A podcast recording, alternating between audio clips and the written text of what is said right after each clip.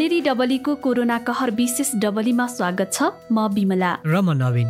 हामी सोमबार र शुक्रबार साँझ सात बजे तन्दरी डबलीको साथमा तपाईँलाई भेट्न आउँछौँ।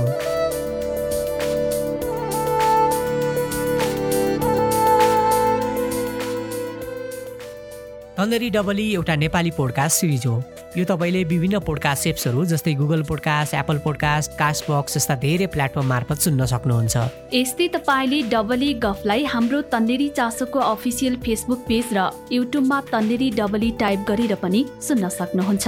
आज हामी तन्नेरी डबलीको दोस्रो सिजनको चौथो बसाइमा छौँ। पहिलो सिजनको डबलीलाई हामीले विभिन्न विषयमा गफ गर्ने तन्नेरी जक्सन बनाएका थियौँ जहाँ हामीले समसामयिक विषयहरूमा छलफल गर्ने गर्थ्यौँ। यो सिजनको डबलीमा भने हामी कोरोना कहरको भोगाइका विभिन्न पाटाबारे गफ गफ गर्छौँ।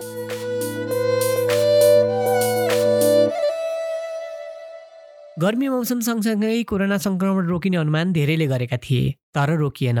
चिसो बढ्दै जाँदा सङ्क्रमणको जोखिम बढ्ने स्वास्थ्यविदहरूले बताउँदै आएका छन्। यो कोरोना कहरको पीडा कहिलेसम्म रहने होला है? त्यही त भन्या। कोरोना भाइरस र कोरोना कहरको कुरा गर्दा गर्दै पनि लौ एक वर्ष बित्न लाग्यो त नवीन। अझै यो कहरले कहिलेसम्म अचेट्ने हो कुन्नी? हुन त भ्याक्सिनहरू बनेको समाचारहरू आइरहेको छ। अब यो भाइरस छिट्टै नियन्त्रणमा आउला भन्ने आश छ। हेरौँ के हुन्छ। त्यही त है। कोरोना भाइरस त जसो तसो ढिलो चाँडो नियन्त्रणमा आउला। तर यो कोरोना कहरको बहानामा मानव जगतले भोगेको चोटहरू त खै? कहिले पो पुरिएला र हो? त्यही त भने बिमला सङ्क्रमण र रोगको कुरा एकातिर छ। तर यो कहरले निम्ताएको मानसिक सामाजिक आर्थिक लगायतका असरहरू फेरि पहिला जस्तै सामान्य हुन त अझ कति समय लाग्ने हो लाग्ने हो। त्यसै भन्नै सकिन्न। तैपनि अब विज्ञहरूले भने जस्तो अहिलेलाई सबैभन्दा उत्तम उपाय आफै सुरक्षित र सतर्क भएर दैनिकीहरूलाई सुचारू गर्नु हो। होइन त? हुन त हो। तर अब यसको लागि व्यक्ति सुरक्षित र सतर्क भएर मात्र पनि पुगेन। किनकि यहाँ भाइरससँग लड्नु मात्र पनि त अहिलेको आवश्यकता होइन। यो बाहेक हामीलाई त धेरै कुराहरू जस्तो खोसिएको जागिर ठप्प आम्दानी भोको पेट परिवारको अपेक्षा घरबेटीको कचकच बढ्दो ब्याज आदि इत्यादिसँग लडिरहनु परेको छ। त्यति मात्र कहाँ हो र? यो सँगै फेरि नागरिक भएको नाताले यो कहरमा लड्नुपर्ने अझ धेरै कुराहरू छन् जस्तै महँगिदो बजार भाउ महँगो स्वास्थ्य सेवा व्यतिथिले गाजिएको सार्वजनिक सेवा भ्रष्ट नेतृत्व रुखो सरकार अझ धेरै कति छन् कति? कल्पना गर न तिमी। ओहो कल्पना मात्र गर्दा पनि कति अत्यास लाग्दो छ है? एउटा आम मान्छेका अप्रत्यक्ष लडाइँहरू आफ्नो जीवनसँग अनि जीवनलाई सहज बनाइदिन नसक्ने ती सिस्टमसँग। कति चिन्तन गर्ने कुरा गर्यो तिमीले? खैर यो विषयमा बोलिएन भने पनि भित्रभित्रै निसासिएको जस्तो लाग्ने। बोल्यो भने पारो तात्ने। तर जे होस् बोल्न चाहिँ छाड्नुहुन्न। चाहे हामी आफ्नो भोगाईको माध्यमबाट बोलौँ या अरूको भोगाईलाई देखेर बोलौँ। बोलिरह्यौँ कचकच गरिरह्यौँ भने मात्र सुन्नेलाई पनि सुन्न कर लाग्छ। ओहो हामी त साह्रै भावनामा पो बहक्यौँ कि? अब विषयवस्तुतिर लागौँ है। साँच्चै आज हाम्रो विषयवस्तु के हो रे नवीन? हो म त विषयवस्तु नै बिर्सिएर गफ गरिरहेको रहेछु भने। कोरोनाको नाममा जागिर गुमाएको एक दम्पतिको कथा आज हामीसँग छ। राम्रो आम्दानी हुँदासम्म काममा पेल्ने र सङ्कट पर्दा सहयोगी कर्मचारीलाई नै विदा गर्ने मालिकको निर्दय प्रवृत्तिको कुरा पनि गर्न मन छ हो बिमला मलाई आज। मजदुरले मालिकलाई चिन्ने मौका यो कोरोना सङ्कटले दिएको छ नवीन। निजी कम्पनीले जतिसुकै आम्दानी गरी पनि मजदुरको हितमा एक रुपियाँ खर्च गरेको देखिएन। यस्तो प्रवृत्तिको शिकार धेरैजना भएका छन् नि। त्यही त नि बिमला। एकातिर कोरोना सङ्क्रमणको त्रास अर्कोतिर जागिर गुमेको पीडा। त्यसमाथि घर भाडा तिर्ने पिर। दुःख जति सबै गरिबलाई पर्ने रहेछ भने। हो नि। मालिकको आम्दानी हुने भनेको मजदुरको मिहिनेतबाट हो। सायद मालिकलाई आम्दानी घटेको पिर होला तर सङ्कटको समयमा आफ्नो मजदुरको घरमा एक छाक टार्न नसकेको कुरा त हेक्का राख्नु पर्ने नि है। कस्तो? मजदुरले गर्दा न हामी छौँ भन्ने कुरा मालिकले कसरी भुलेका होलान्? त्यो त कोरोनापछि भएको लकडाउन र अहिलेको सङ्कटको समयले सबै कुरा देखाएको छ। प्रत्येक गरिबका घरमा कोरोनाको भन्दा भोकको पिर बढी छ। आज हामी कोरोना सङ्कटपछि जागिर खोसिएकी एक महिलाको कथा यशोदा भण्डारीको आवाजमा सुनाउँदैछौँ। अब बरु कथा पो सुन्ने हो कि बिमला? हुन्छ नवीन। हाम्रा श्रोतालाई यो कथा बेनामी लाग्न सक्छ। तर जिन्दगीका दुःख साटेर परिचय लुकाउन चाहनेको परिचय खोल्न पनि मिलेन। आज हामी लकडाउन अघि काठमाडौँको एक निजी कम्पनीमा मार्केटिङको राम्रो जागिर भएको तर लकडाउनमा जागिर गुमाएकी एक महिलाको कथा सुनाउँदैछौँ। सुनौ है।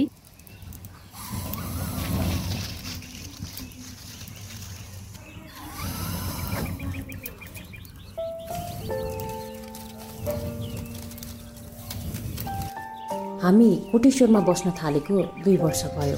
हामी अर्थात् मेरो श्रीमान र म। पढ्दा पढ्दै मन पराएर विवाह भयो यतै।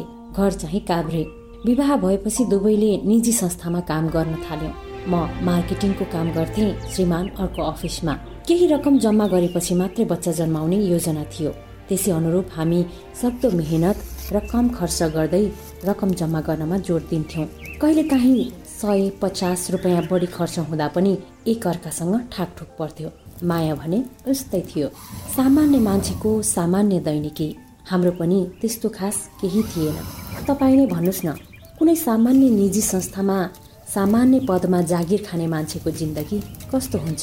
उही त हो घरबाट अफिस अफिसबाट घर नयाँ ठाउँमा घुम्न जान मन लागे पनि दस पटक सोच्नुपर्ने मन लागेको कुरा खान पनि दस पटक गोजी छाम्नु पर्ने।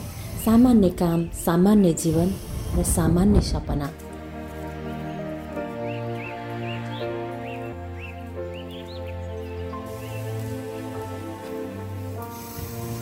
प्रेम विवाहपछि यति भएकाले हामी केही दबावमा थियौँ। त्यो दबावका कारण आन्तरिक समस्याहरू परिवारका अरूलाई सुनाउन सक्ने अवस्था थिएन। एकदम जटिल समस्या भएको भए कुरा अर्कै हुन्थ्यो। हातमुख जोड्न सकिएन भनेर त के परिवारलाई गुहार्नु र परिवारको पनि आफ्नै समस्या हुन्छन्। फेरि सामान्य कुरामा परिवार गुहार्न थाल्यो भने त एउटा स्वास्नी पाल्न नसक्ने नामर्दले के बिहे गर्नु भनेर श्रीमानलाई पेल्लान्। थोरै इज्जतको डरले थोरै समाजले के भन्ला भन्ने डरले र थोरै आफ्नै मनोवैज्ञानिक डरले गर्दा समस्या पर्दा परिवारलाई भन्न सकेका थिएनौँ जसोतसो दिनहरू बितिरहेका थिए। समस्या अनेक थिए तर त्योभन्दा धेरै हामी खुसी थियौँ। तर यो खुसी धेरै टिक्न सकेन। हामीले बनाएका योजनाभन्दा ठिक विपरीत परिस्थिति बन्यो। अर्थात् योजनामा पुग्नु अगावै समस्या पर्खाल झैँ खडा भइदियो। बिस्तारै हामीले सोचेका योजनाहरू अधुरा र अपुरा हुने समय आयो। केही दिन आराम नै भयो। दैनिक भागदौडबाट मुक्त हुन पाइए जस्तो लाग्यो। श्रीमानसँग लामो समय सँगै बिताउन पाएँ। यसअघि कहिल्यै नगरेका दुःख सुखका भालाकुसारी गरियो। यसअघि कहिल्यै नगरेको अनुभव गरियो। लकडाउनको सुरुवाती दिनले हामी श्रीमान श्रीमती दुवैजनालाई नौलो महसुस गरायो। तर लकडाउनले दिएको स्वतन्त्रता र भागदौडको ब्रेक लामो समय टिकेन। केही दिनमै अनेकसँग आग्रह गरेर पाएको जागिरबाट छुट्टी लिनुपर्ने अवस्था आयो। कम्पनीले भन्यो अब हामी सक्दैनौँ। तपाईँहरूले बिदा लिनुहोस्। मलाई मात्र होइन श्रीमानलाई पनि त्यस्तै भनेको रहेछ। उहाँ पनि निराश हुँदै आउनुभयो। हामीले त्यो दिन खाना खाएनौँ। दिमागमा हामीले सजाएका सपना बिस्तारै विलिन हुँदै गइरहेका थिए। धेरै बेरसम्म झोक्रिएर बस्यौँ। अनायसे यस्तो होला भनेर न मैले सोचेको थिएँ न उहाँले सोच्नु भएको थियो। यो बेला हामीले जस्तै जागिर गुमाउने अरू पनि हुनुहुन्छ होला। परिस्थिति र समस्या फरक होलान्। आखिर समय उही नै हो र अवस्था पनि उस्तै। वास्तवमा यो कोरोना काल हो। यहाँ सबै नसोचेकै भइरहेको छ।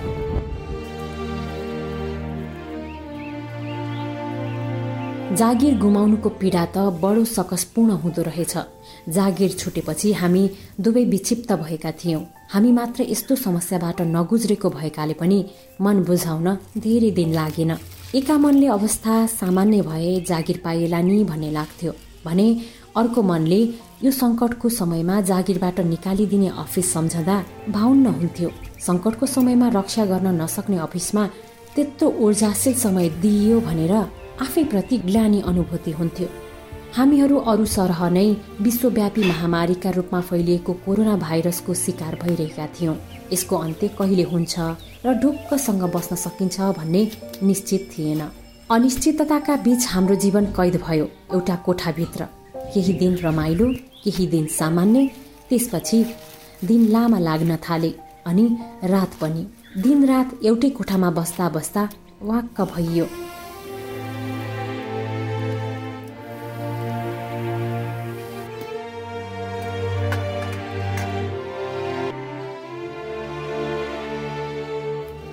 लकडाउन होस् या सामान्य दिन सामान्य व्यक्तिको आवश्यकतामा कुनै फरक हुँदैन। खानु परिहाल्छ दैनिक चाहिने उपभोग्य वस्तु किन्नै पर्यो। प्रत्येक महिना भाडा तिर्नै पर्यो। कमाएको सबै रकम खाना र कोठा भाडा तिर्दैमा ठिक्क हुन्थ्यो। मन मारेर गरेको अलिअलि बचतले कति दिन टिक्न सकिन्छ र लकडाउनको एक महिनापछि छटपटी बढ्न थाल्यो। पोखरीमा पानी सुकेपछि माछाको के हालत हुन्छ? हामी पनि त्यस्तै अवस्थाको नजिक पुगिसकेका थियौँ। जाने ठाउँ कहीँ थिएन। बाहिर निस्कने आँट आउँदैन। निस्क्यो भने पनि कोरोना भाइरस नै ल्याएको जसरी सबैले हेर्थे। बाटाघाटा सबै सुनसान थिए। त्यस्तोमा बाहिर निस्कन आफैलाई असहज हुन्थ्यो। कोठामै कोचिरहँदा के गरौँ र कसो गरौँ भइरहन्थ्यो। यसबीचमा धेरै मानसिक तनाव हुन थाल्यो। अब के हुने हो? कि सधैँ यस्तै भइरहने हो? यस्तै भइरहे जीवन कसरी धान्ने हो? भएको कमाइ पनि सकिसक्यो। यस्तै यस्तै अनेक खालका प्रश्न मनमा खेल्न थाले। लकडाउन लम्बिँदै गएपछि सामान्य कुरामा झिझो लाग्न थाल्यो। श्रीमानले राम्रै बोल्दा पनि रिस उठ्थ्यो। सामान्य कुरामा विवाद र झगडा हुन थाल्यो। म एकातिर रिसाउने श्रीमान अर्कोतिर। कारण केही हुन्न थियो कोठामा बस्दा बस्दै पागल नै हुन्छ कि जस्तो लाग्न थाल्यो। पागल नहुनुको पनि विकल्प थिएन। आम्दानी थिएन। तर खर्च उस्तै। घरमै बसिराख्दा त झन् धेरै खान मन लाग्दो रहेछ। खाने सुत्ने र मोबाइल चलाउने बाहेक अरू काम केही नै नहुने। मोबाइल नचलाऊ भन्यो फेरि गर्नु के? मोबाइल खोल्यो कि त सबैतिर कोरोना फैलिएको र मृत्यु भइरहेको खबर मात्रै सुन्नुपर्ने। ओहो तनाव पनि कति हो कति। भर्खरै लाउँ लाउँ खाउँ खाउँ भन्ने उमेरका आफू अनेक इच्छा आकाङ्क्षा बाँकी सधैँ कतै मरिने त होइन सम्मका तर्कना मनमा खेल्न थाले। खाली दिमाग सैतानका घर। बुढापाकाले त्यसै उखान बनाएका होइन रहेछन्। उमेर कति नै भएको छ र हामीले भर्खरै पच्चिसौँ वसन्त पार गरेका छौँ। अझै धेरै कुरा हेर्न सुन्न र भोग्न बाँकी नै छ। लकडाउनको दुई महिनापछि चाहिँ अति भयो भन्ने लाग्यो। त्यसपछि छिमेकी दिदीको सहयोगमा मकैको व्यापार सुरु गरे। छिमेकी दिदीले कहिले भक्तपुर त कहिले तिनकुनेबाट मकै ल्याएर बेच्न थाल्नु भएको थियो। उहाँको पनि हाम्रो भन्दा अझ कठिन हालत थियो। उहाँका श्रीमान मजदुरी गर्नुहुन्थ्यो। लकडाउनले छुटेपछि उहाँको त अझै दयनीय अवस्था भएको थियो। उहाँसँगै मकैका घोगा ल्याएर बेच्न थाले। पानी पर्दा त्यो पनि बन्द। दुईजना मध्ये एकजनाले कमाउनुको विकल्प थिएन। श्रीमान घरमा बस्नुभयो। मैले मकै व्यापार सुरु गरेँ।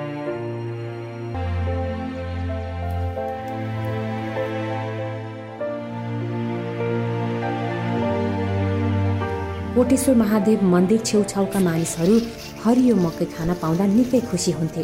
कोठाभन्दा बाहिर निस्कन पाउँदा मलाई पनि आनन्द हुन्थ्यो। आम्दानी सँगसँगै एकछिन भए पनि मन भुल्थ्यो। मास्क सेनिटाइजर सबै लगाएर मकै बेच्थे। यसरी बाहिर निस्केर काम गरेको देखेर धेरै पटक घरबेटीले गाली पनि गरे। उनीहरूलाई त के छ र? मासिक भाडा आएकै छ? छुट दिन सरकारले आग्रह गरेको सुनिएको थियो तर त्यो पनि दिएनन्।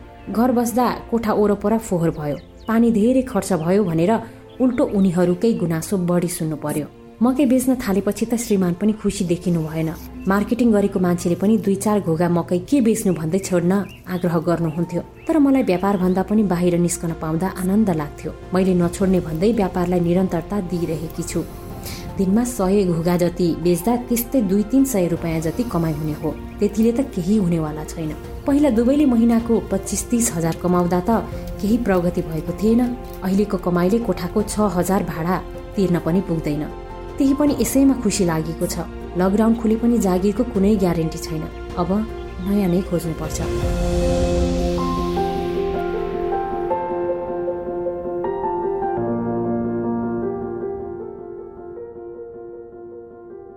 नवीन कोरोना संक्रमणपछि मान्छेले जागिर मात्र गुमाएका छैनन्। जागिरसँगै जोडिएका सपना जीवन चलाउने आधारहरू पनि गुमाएका छन्।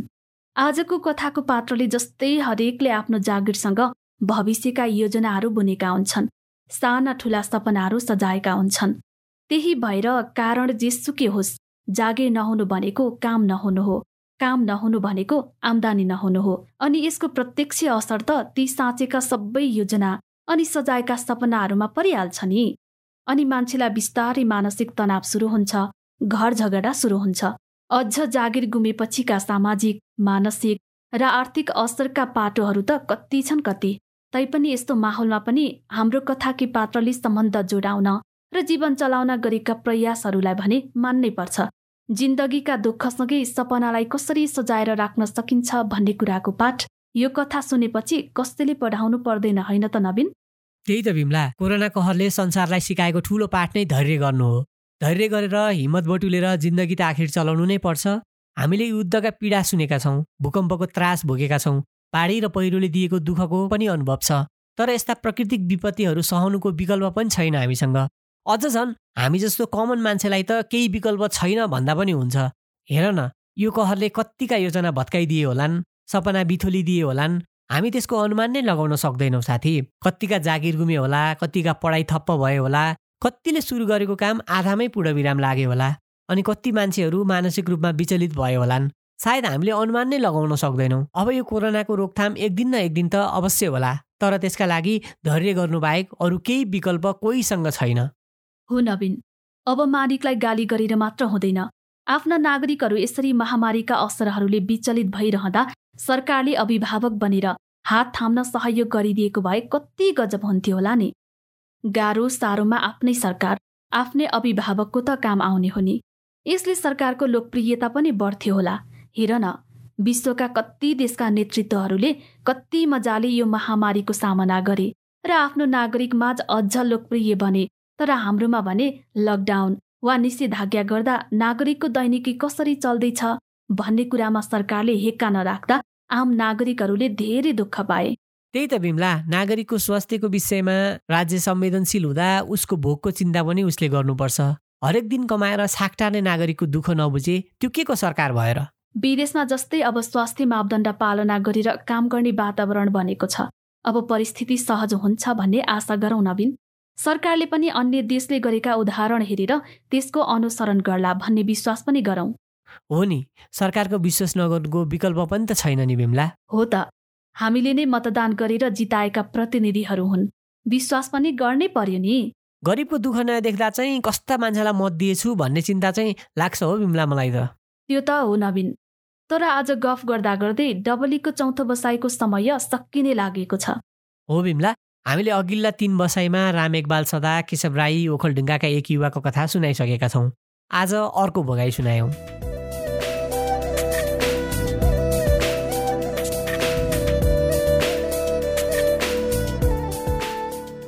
हामी अर्को बसाइमा अर्को नयाँ भोगाई लिएर उपस्थित हुन्छौँ। यस्ता भोगाई धेरै पढ्न चाहनुहुन्छ भने तपाईँ हाम्रो वेबसाइट कोरोना कहर डट कममा गएर यस्ता धेरै अनुभूतिहरू पढ्न सक्नुहुन्छ। अनि तपाईँका पनि यस्तै अनुभूति छन् र हामीसँग सेयर गर्न चाहनुहुन्छ भने हामीलाई पोडकास्ट एट तन्देरी चासो डट नेटमा इमेल पठाउन सक्नुहुन्छ। हामीलाई पोडकास्टमा सुनेर तपाईँलाई कस्तो लागेको छ? यो डबली हाम्रो मात्र होइन। जुनसुकै माध्यमबाट तपाईँ डबली सुन्दै हुनुहुन्छ भने पनि हामीलाई तल कमेन्टमा गई प्रतिक्रिया दिन सक्नुहुन्छ है। त्यति मात्र होइन। यो पोडकास्टलाई आफ्नो सामाजिक सञ्जाल मार्फत धेरैभन्दा धेरै साथीसँग बाँड्न पनि सक्नुहुन्छ। लौ त समय कठिन छ तर आश गरौँ हामी छिट्टै यो कठिन घडीबाट पार पाउन सकौँ। यो कठिन समयमा आफ्नो ख्याल राख्नु होला है। अझ अहिले त जाडोको मौसम सुरु भइसकेको छ। चिसो समयमा भाइरल ज्वरो रुगाखोकी निमोनिया श्वास प्रश्वास सम्बन्धी समस्या सामान्य अवस्थामा पनि बढ्ने गर्छ। अझ अहिले कोरोना संक्रमणमा यी र यस्ता समस्याले थप पीडा दिने सम्भावना बढी हुन्छ। त्यसैले आफ्नो र आफ्नाको अझ बढी ख्याल राख्नुहोला भन्दै तन्नेरी डबलीको चौथो बसाइबाट म बिमला र म नवीन बिदा हुन्छौँ फेरि भेटौँला। नमस्कार। नमस्कार।